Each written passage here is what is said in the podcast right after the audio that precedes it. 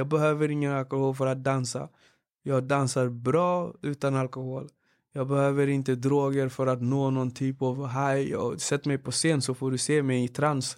Liksom, i, i rätt sammanhang. Så jag har aldrig varit i behov av alkohol och droger för att bli det de alla andra eftersöker.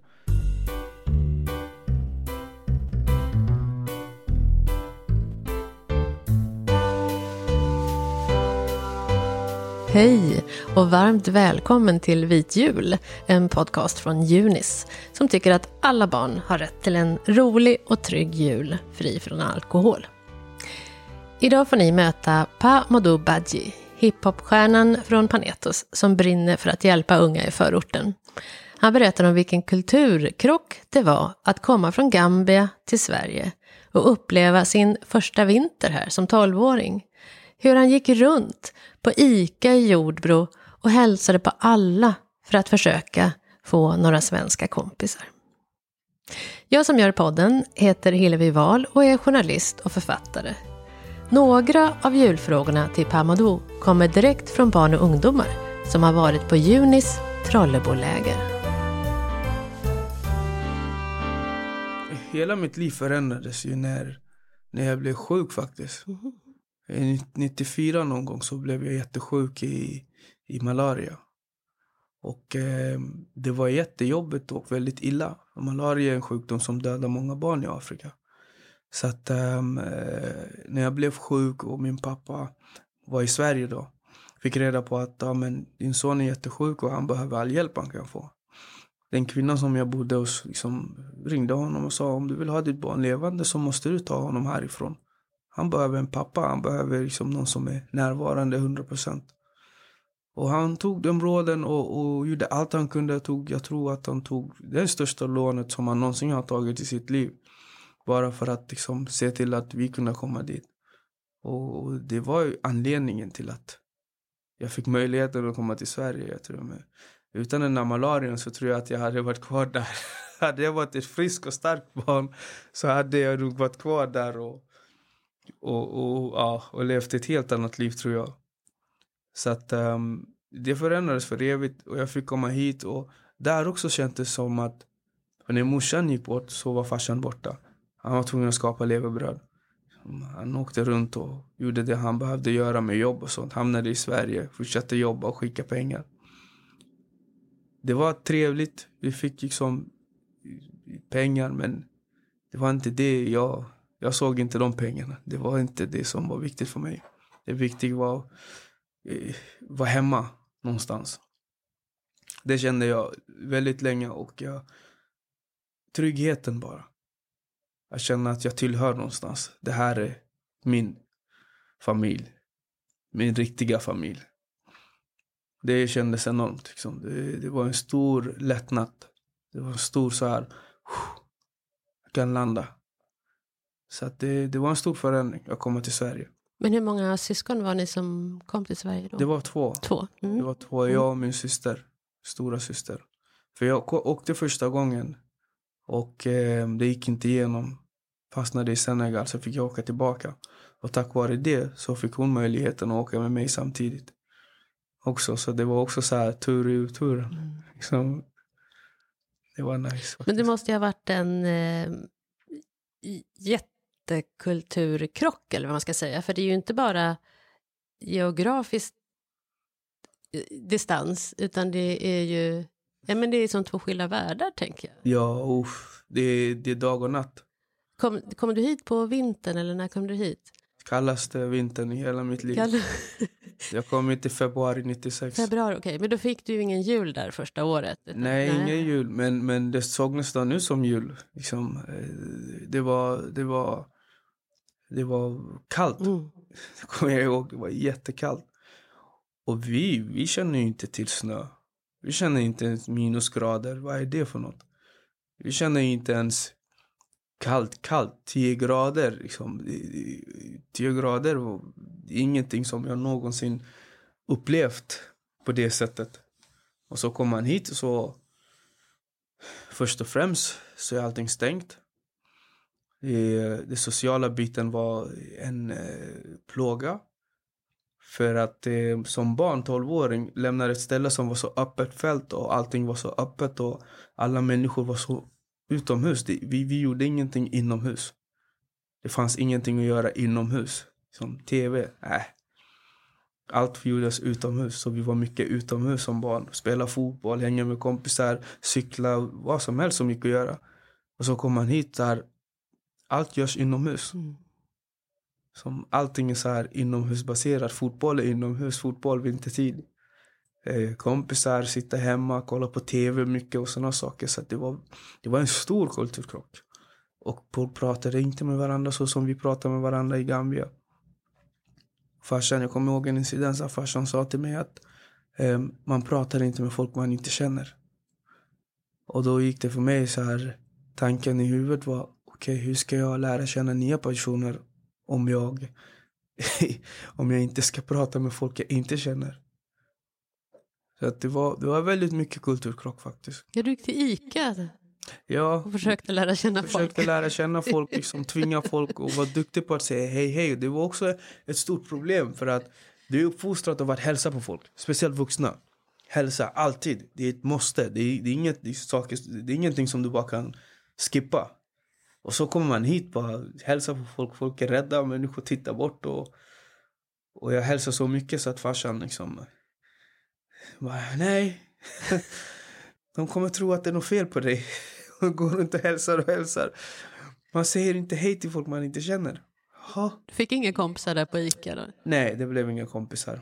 Sanningen, det blev inga kompisar. Kompisar kom när skolan började. För mig. Och eftersom min sociala bit, speciellt från Gambia. Jag var ju redan den här blygheten och allt det där. Det finns ju inte med för att jag har jobbat bort det. Så när jag väl kom hit och var väldigt så här redo för att ta an Sverige och ta an nya kompisar och jag var ju glad. Jag var jätte, jätteglad, positivt inställd till flytten. Även om det var jättekallt och emellanåt kände jag att jag vill inte vara här. Så var jag, jag ville inte lämna min syster och min pappa. Så jag var jätteglad här så att jag, jag gick loss i skolan. Jag tror att jag gjorde svenska Svensk, jag gjorde så här svenska för invandrare i invandrarklassen, förberedelseklassen som de kallade det för. Ehm, jag gjorde det kanske mindre än ett år. Sen flyttades jag till den vanliga klassen för att jag var så social. Lärde mig prata svenska väldigt tidigt. Prata kunde jag, skriva var mindre, var för svårare, men att prata och kommunicera, det gick fort spelade fotboll och kom igång. Och strax efter det så började jag skriva musik. Jaha. Ja, vi började med att skriva texter först. Och hur gammal Dik var du då? Ja, 13, 14, 15 där. Som skrev dikter. Vad handlade de om? Allt från min mamma. Jag kommer ihåg jag skrev en dikt om min mamma som jag fick läsa upp från skolan kommer inte ihåg exakt hur den gick. Men jag kommer ihåg att jag skrev en riktigt känslomässig dikt som min lärare ville att jag skulle läsa på skolavslutning. Vilket jag gjorde. Det var tungt. Men jag gjorde det. Och eh, därifrån så som idén föddes att omvandla texterna till musik. Och musik låg nära. Jag och min kompis skrev i musiken. Märkte att vi är bra på det här. Vad fick du för gensvar när du läste den där dikten? Som, som barn i, i den åldern så just den texten var jag väl väldigt rädd för. För det fick mig att känna saker som jag inte ville visa utåt. Men man fick mycket stöd från kompisar. Mycket stöd från, speciellt från lärarna. Och just den läraren, Minge tror jag att hon hette. Det var mycket stöd att det, det är fint dikt och det, det är sättet man ska göra. Man ska kunna säga sina känslor och sånt. Så det var mycket stöd från, från eh, henne då. Och det var viktigt. Men det här med musiken sen, vad hade du för hjälp på vägen där? Alltså hitta någon lokal eller instrument eller var det någon ja, som hjälpte dig? Så musik, musiken kan jag säga var en, eh, en blandning utav ett fungerande vuxen fungerande vuxna människor som tänker utanför boxen. För de tror jag avgör när människor som inte menade att eh, eh, eh, barn och unga som inte menade att lyckas på ett spår tramp, hamnar i rätt som ficka, om man säger så. För att eh, det var fotbollen och det var musiken. Och det fanns vuxna runt omkring som såg intresset och gav det energi. Och gav det liksom pepp och gav det möjlighet. Och, eh, jag kan nämna allt från skolan.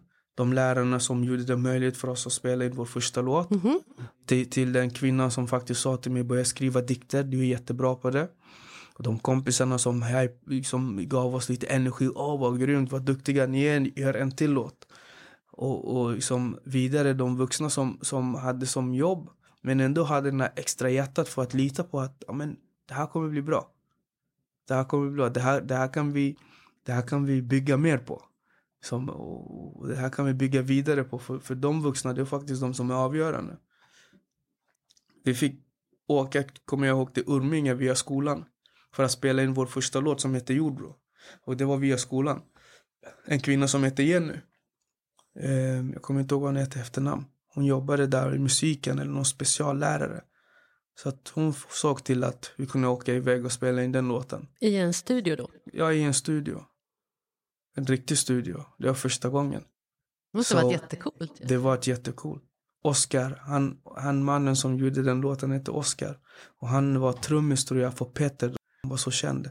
Och producent. Så han gjorde en sampling-grej som vi rappade på. Och det, det ger ju mer energi och lägger fokus på rätt ställe. Så att eh, många vuxna och sen vidare då när man ville bli professionellt och kämpa då finns det också andra människor på, på vägen som gjorde det möjligt för oss. Birger Jensen var bland de som gav oss nycklar till fritidsgården. Och så här kan ni bygga er studio. Även fast han inte fick det. Mm -hmm. Så ni fick bygga er egen studio där? Wow! Så vi byggde ett rum i rum. Vilket han inte visste att vi skulle göra. Så han var ju helt vettskrämd. vi hade ingen ventilation och ingenting. Tänk, vi byggde bara ett rum i rummet. Eh, kan du liksom minnas din eh, första jul eller jullov som du hade i skolan här i Sverige? Ja, vi firade inte jul hemma, men vi firade nyår. Nyår? Mm. Eftersom vi är muslimer så var det så att jul var inte för oss.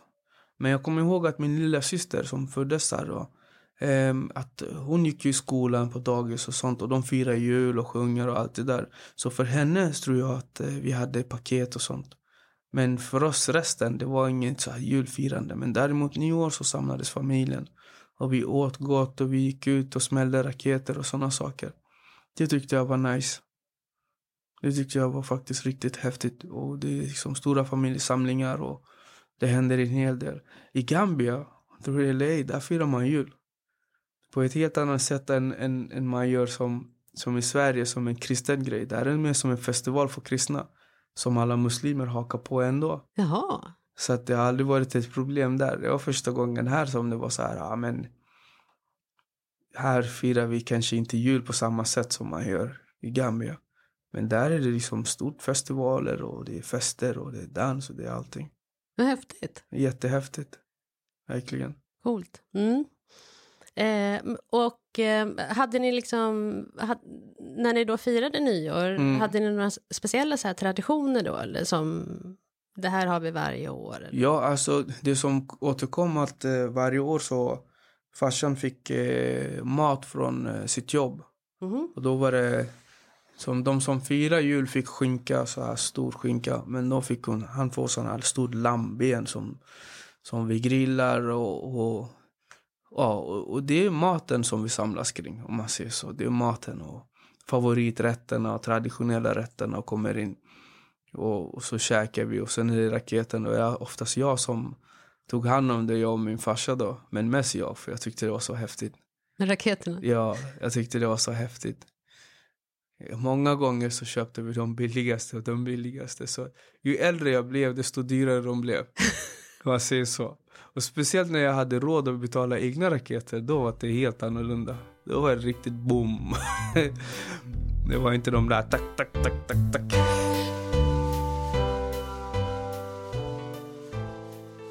Eh, hej, jag heter Elvira. Jag är 13 år och är på Junis Trolleboläger. Och jag undrar om, om man mår dåligt, blir det då bättre eller sämre under julen? Uff Svår fråga. Om man mår dåligt under julen, om det blir bättre. Um, med jul kommer glädje. Med jul kommer familj, vänner, julklappar och så vidare. Så det borde bli bättre med julen, tycker jag. Så att om du har mått dåligt och det är jul, då tycker jag att du ska vara positivt inställd på allt det fina julen kommer hämta. Hej, jag heter Hilda, jag är 11 år och är på Trollebolägret. Jag skulle vilja fråga om, eh, om du blev avundsjuk när dina vänner fick dyrare och mer julklappar än dig? Nej, jag skulle inte bli avundsjuk om mina vänner fick dyrare eller mycket mer julklappar. För att det är inte hur många julklappar man har fått eller hur mycket dyrare det är. Det är att man har fått någonting som är viktigt. Så att om du får en, ett par fina byxor då kan du vara jätteglad över dem och stolt över dem och så kan du bära dem och visa hur snygg du är i dem. Tycker jag.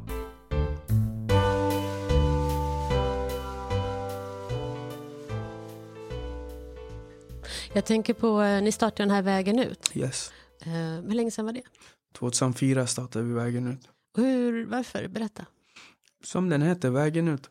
Vägen ut är så enkel som att vi fem i gruppen bestämde oss att okej, okay, vi vill göra musik och vi, vill inte, vi har ingen råd att betala för varje studiotid.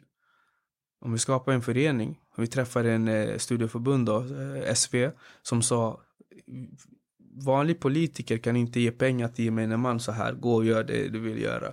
Men om du skapar en förening, då kan du få hjälp. Då kläckte de idén så sa vi, aha, okej. Okay. Vi skapar en förening för att vi ska hjälpa oss själva, men också hjälpa våra medmänniskor. Liksom, vi, har, vi ville ha ett ställe där vi kan spela musik hela tiden. Och samtidigt liksom i, samtidigt hjälpa andra människor, andra ungdomar som var i vår åldersgrupp och, och spela musik där. Det var början. Det var det som var tanken. Men vägen ut blev från att komma in och spela musik och gå till att vi, vi märkte att det var mycket mer än bara musik som spelades där. Om man lyssnade på texten på vad folk sa, om man såg ungdomarna som kom dit, det blev ett hem. Och folk ville ha mer av det, de ville göra andra saker.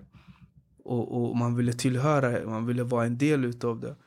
Och där, där blev det så här seriöst att okej, okay, vi klarar inte av att sitta här två och två varannan dag eller varannan vecka eh, och, och, jobba och samtidigt gå och göra någonting annat utanför. Måste jobba och leva bröd för det var ideell förening, det var en ideell arbete.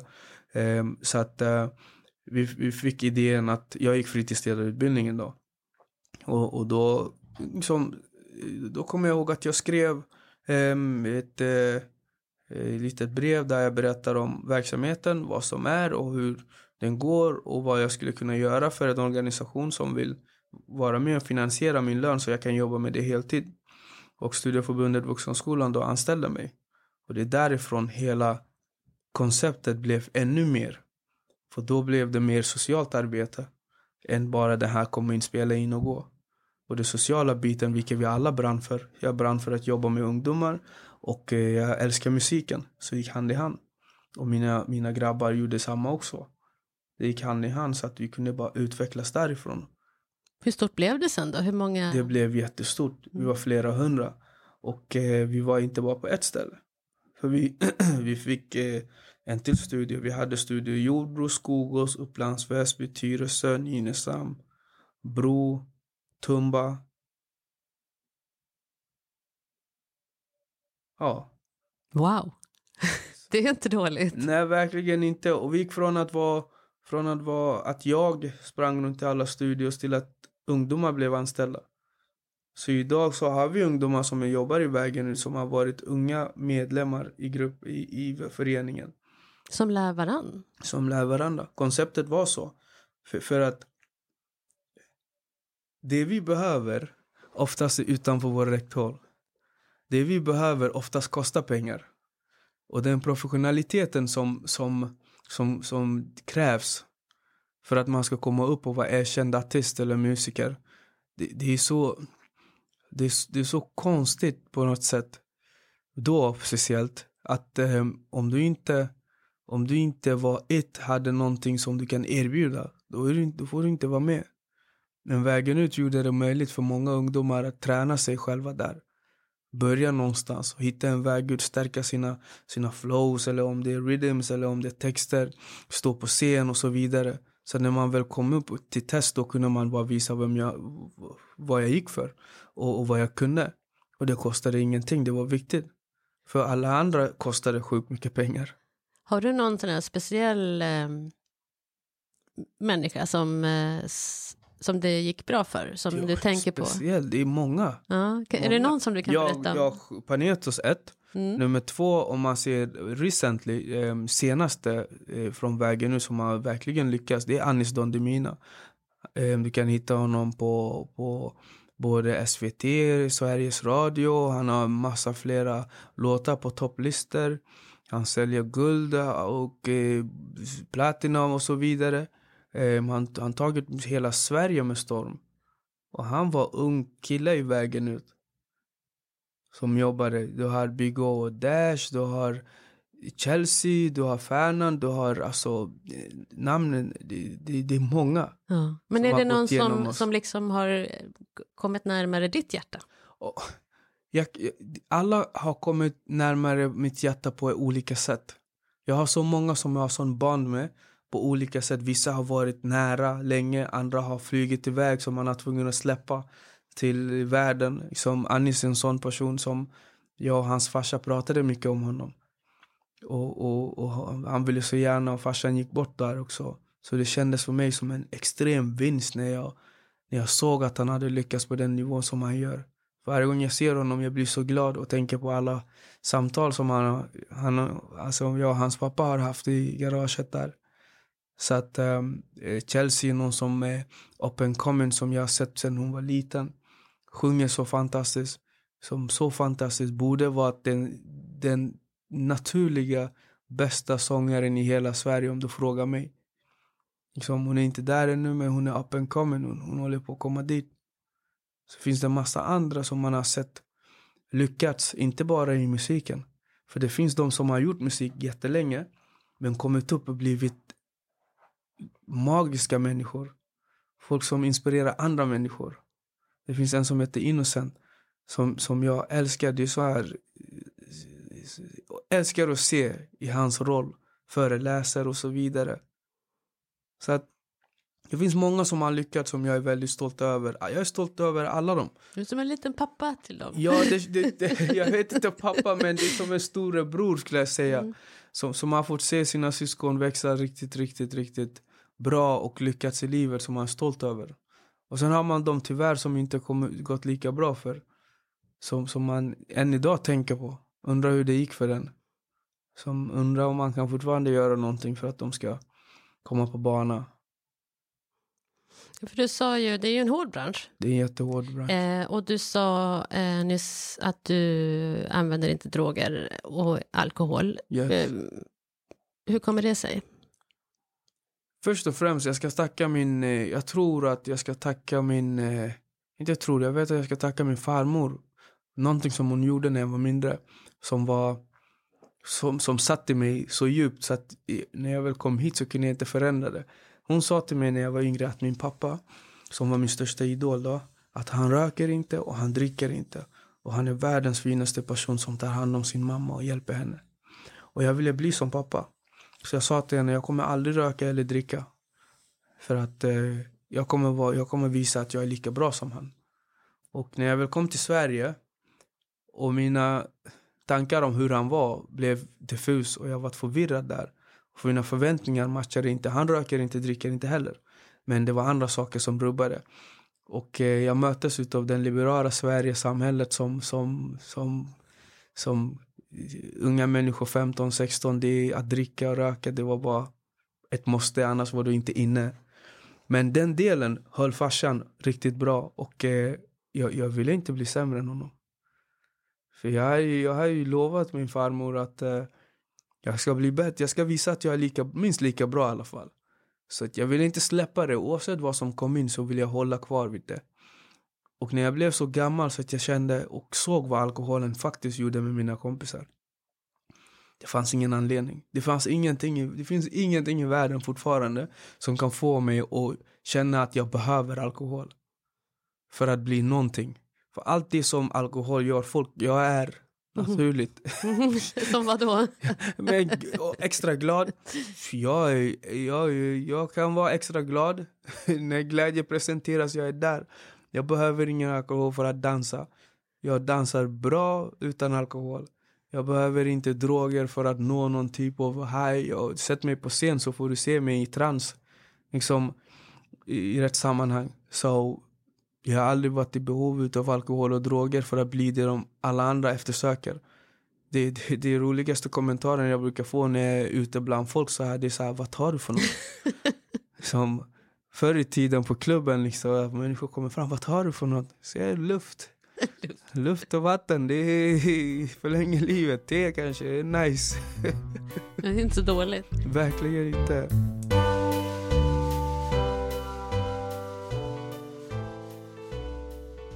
Hej, jag heter Ella. Jag är 14 år och jag är på läger med Junis och jag undrar vad är det bästa och vad är det sämsta du har fått i julklapp? Bästa jag har fått i julklapp, bästa, bästa. Hmm. Svårt, men ehm, jag tror att det bästa jag någonsin fått under julklapp, det är väl det är väl en Playstation tror jag. Om det var jul eller födelsedag, jag kommer inte ihåg. Men jag tror att det var julen. Jag tror att det är jul. Vi säger jul. Det var det bästa. Det sämsta var ingenting. Man inte fick någonting på julen. Mm, när var det? Någon gång när jag var yngre. Kommer jag ihåg att det var jul och man inte fick presenter för man var gammal. Du är för gammal för julklappar. Man blir aldrig för gammal för julklapp. Ja, det är det. Det var det jag tänkte i huvudet. Det var det jag tänkte i huvudet, men jag sa det inte. Hej, jag heter Ellen och jag är 14 år och jag är på läger med Junis. Jag undrar om ni hade någon speciell tradition när du var liten och hur du firar jul nu? Nu, förut var det som sagt med familjen. Vi firade inte så mycket jul, jul, men vi firade nyår. Som var samma sammanhang mer eller mindre. Eh, men nu för tiden så är det familjen, vi har ett träd. Antingen så åker vi till Norrköping till Marinkas mamma eller så är de hemma hos oss. Och då har vi grannen som kommer, eller jultomten som kommer då. Alltså. Eh, Ska inte hänga ut Per här. Men eh, jultomten dyker upp eh, strax innan Per dyker upp, eller efter. Och så får vi julklappar och så, och så, ja, så firar vi hemma med mat och, och, och familj och så.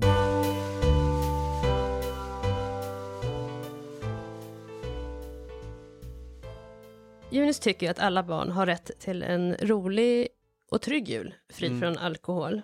Hur tänker du kring det där med alkohol och firande? Vuxna är tricky. Vuxna kan säga till dig att eh, gör inte så, för det är inget bra.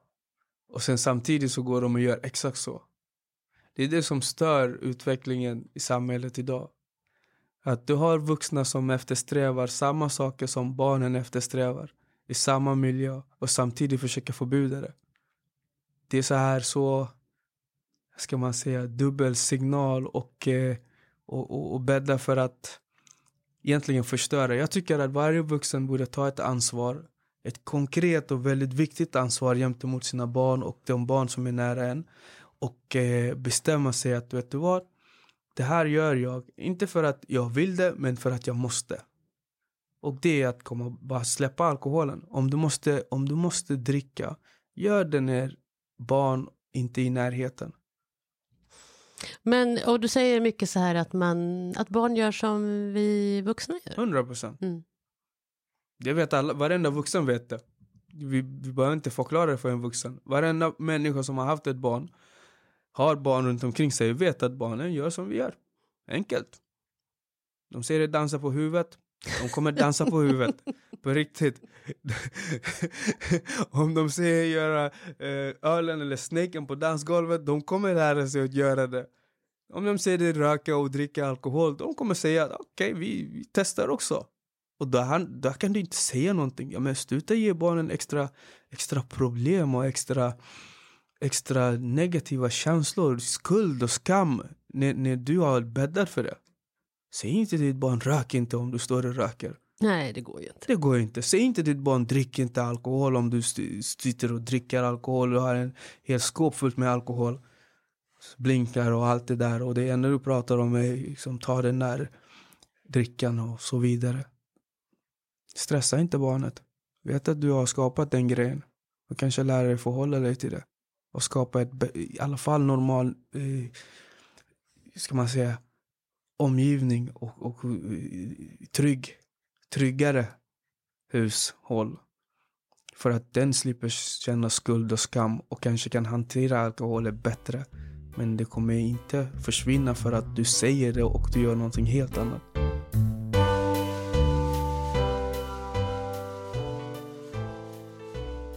Hej, jag heter Sofia. Jag är 14 år. Jag är på läger med Junis. Och jag undrar, om man inte gillar julen, hur gör man så att den blir bättre? Ja, man kan försöka se det positiva i julen. Man kan, man kan faktiskt ägna sin tid på att eh, göra, göra det trevligt för andra människor. Man kan ta in kusinerna, man kan ringa till farmor och farfar, man kan ringa till släktet, man kan skriva sådana små kort. Man kan göra julkort som man kan posta till olika människor som kan bli jätteglada över det. Man kan plinga på grannen kanske som bor själv. Kanske den äldre damen eller mannen som kanske behöver lite mer pepp och lite mer kärlek. Man kan spendera faktiskt tid på att hjälpa andra människor och automatiskt blir man jätteglad Man kan samla lite gamla kläder och slå in dem och lämna så att andra barn kan få kläder och så, leksaker och så vidare. Så det är många sätt man kan göra det roligt inför julen så det blir extremt extra kul. Även om man inte tycker att det är, ja, om man inte har varit glad i början så lovar jag att man blir jätteglad sen. Jag heter Melke, jag är tio år gammal. Jag är på läger med Junis. Vem hade du velat dela din jul med? Oh, om jag får välja fritt där. Hmm. Det måste vara någon jätteroligt att ha jul med. Ja, jag tror nog att jag hade, jag hade velat dela mitt jul med, med, med, med min syster. För hon bor i Skottland just nu. Mm. Ja, och man får inte träffa henne så ofta. Men hon älskar högtider. Allt som har med fest och mat och sånt. Det är, det är, och det är alltid kaos där positivt kaos. Liksom. Det, det händer mycket. Så mina syskon faktiskt, mina systrar. Jag har många fina systrar. Jag skulle vilja samla dem. Vi samlades en gång för ett tag sedan. Så det hade varit kul att samlas med dem. Det var mycket skratt och mycket glädje.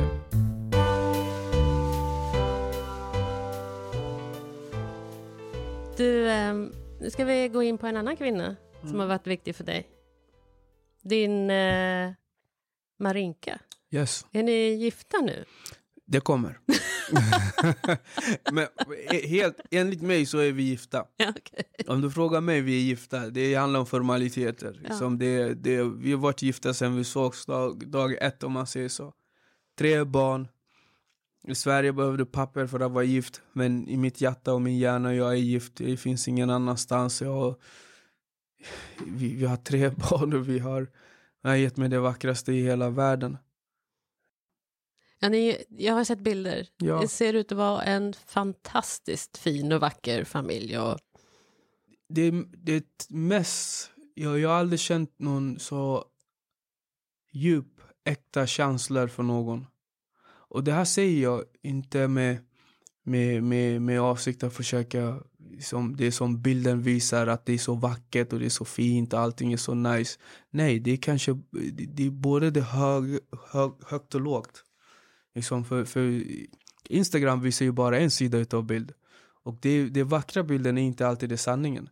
Och det kan jag säga, liksom, hade jag lagt det negativa då skulle ni förstå hur djup kärleken är. Mm.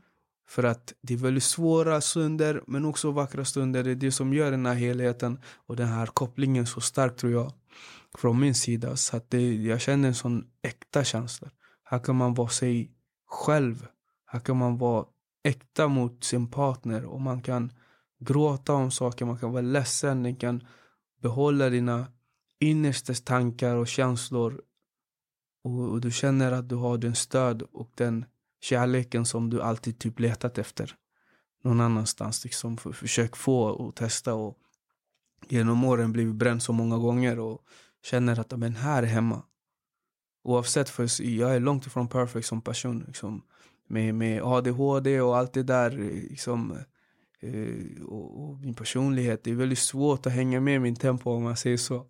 Och här har man någon ändå som älskar den tempon och förstår den tempon. Även om den är svår ibland och den har sin bakdel så är den fortfarande där och vill kämpa med det. Det är kärlek för mig. För det var Marinka som fick dig att vilja göra en utredning? Faktiskt. Tvinga mig till det. Hur kommer det sig?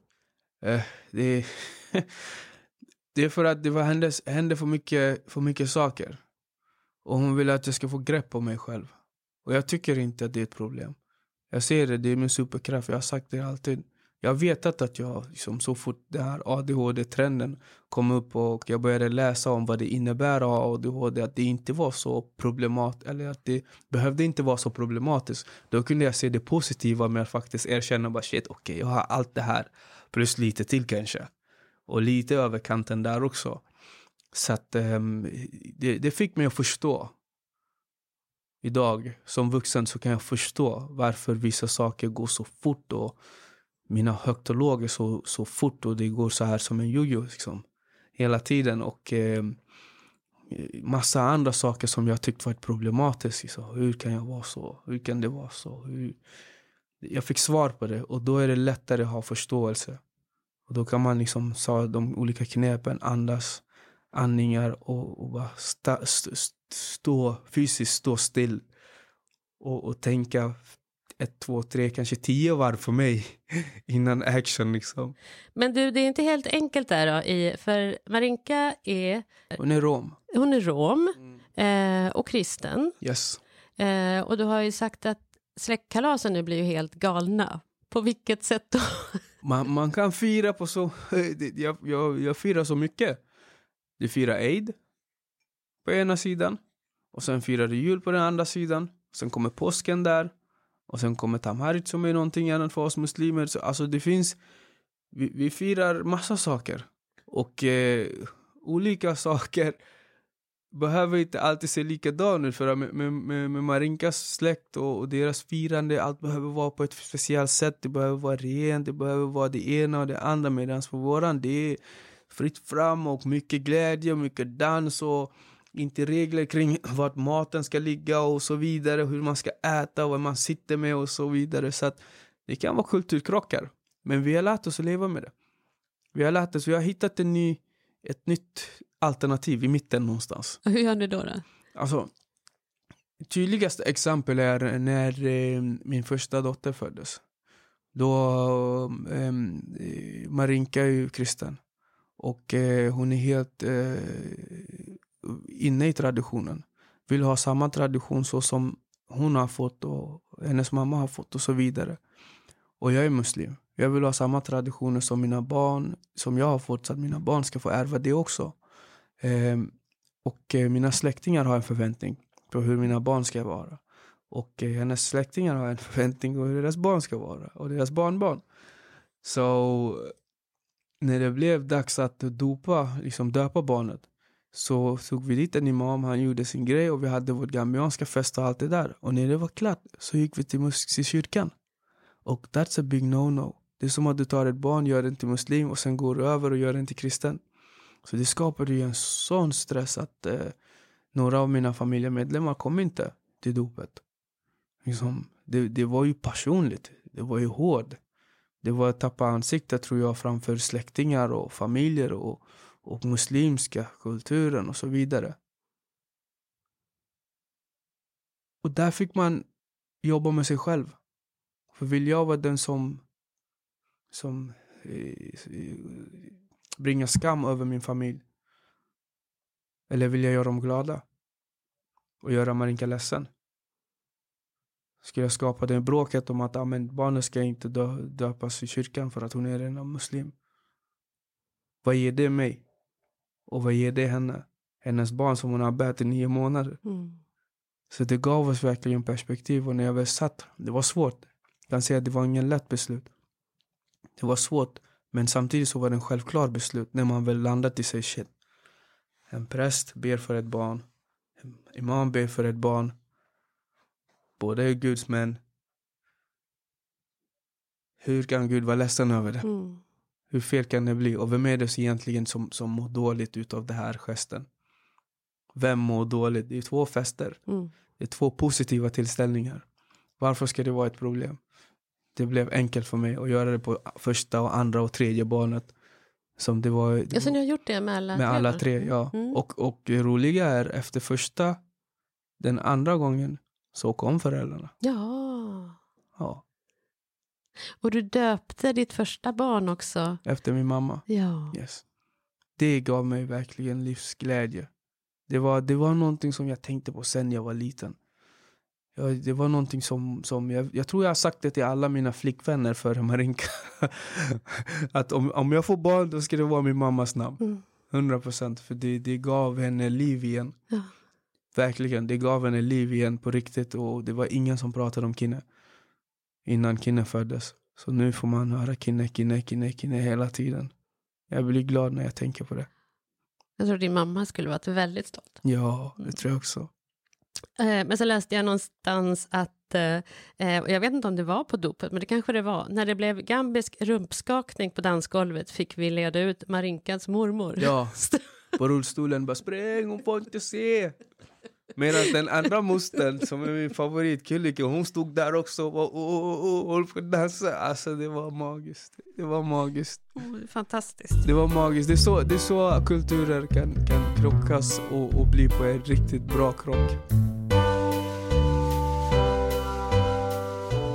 Tack Pamodo Badji. Man blir ju helt lycklig över att höra om det positiva kaos som uppstår när man umgås så där över alla ålders och kulturgränser.